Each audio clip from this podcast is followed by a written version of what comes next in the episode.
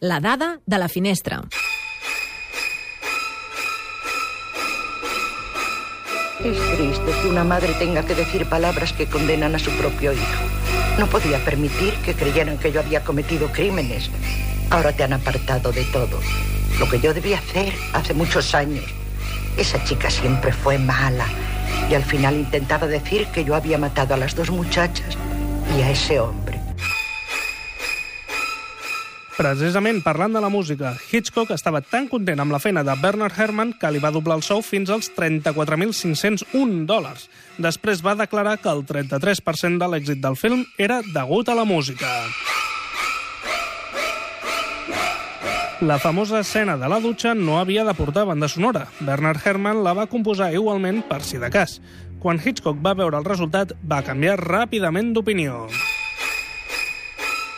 Janet Leigh mai va tenir problemes amb l'escena de la dutxa fins que es va veure a la gran pantalla. Se'n va donar de la feblesa del cos humà quan s'està dutxant. Des de llavors fins al darrer moment només va banyar-se.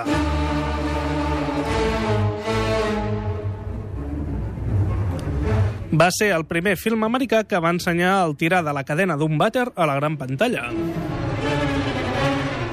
Hitchcock sempre es va referir a Anthony Perkins durant el rodatge com Mr. Bates. Walt Disney no va permetre que Hitchcock rodés una escena a Disneyland anys més tard, per haver rodat aquell horror de pel·lícula anomenada Psicosi.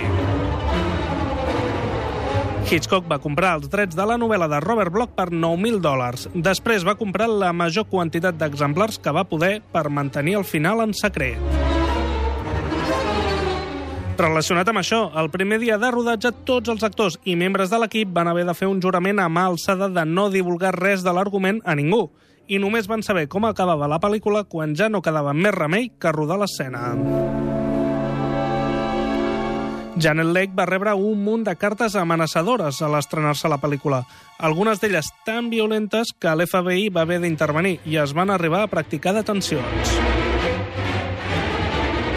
Hitchcock va refusar el seu salari habitual de 25.000 dòlars a canvi d'un percentatge dels guanys totals. Al final va cobrar 15 milions de dòlars. Si ajustéssim el preu de les entrades al seu valor actual, avui Hitchcock s'embutxacaria 150 milions de dòlars. L'habitual cameo de Hitchcock es produeix al principi de la pel·lícula.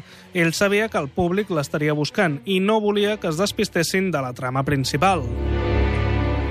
Anthony Perkins va refusar parlar de Norman Bates durant anys, ja que tothom el relacionava constantment amb el personatge.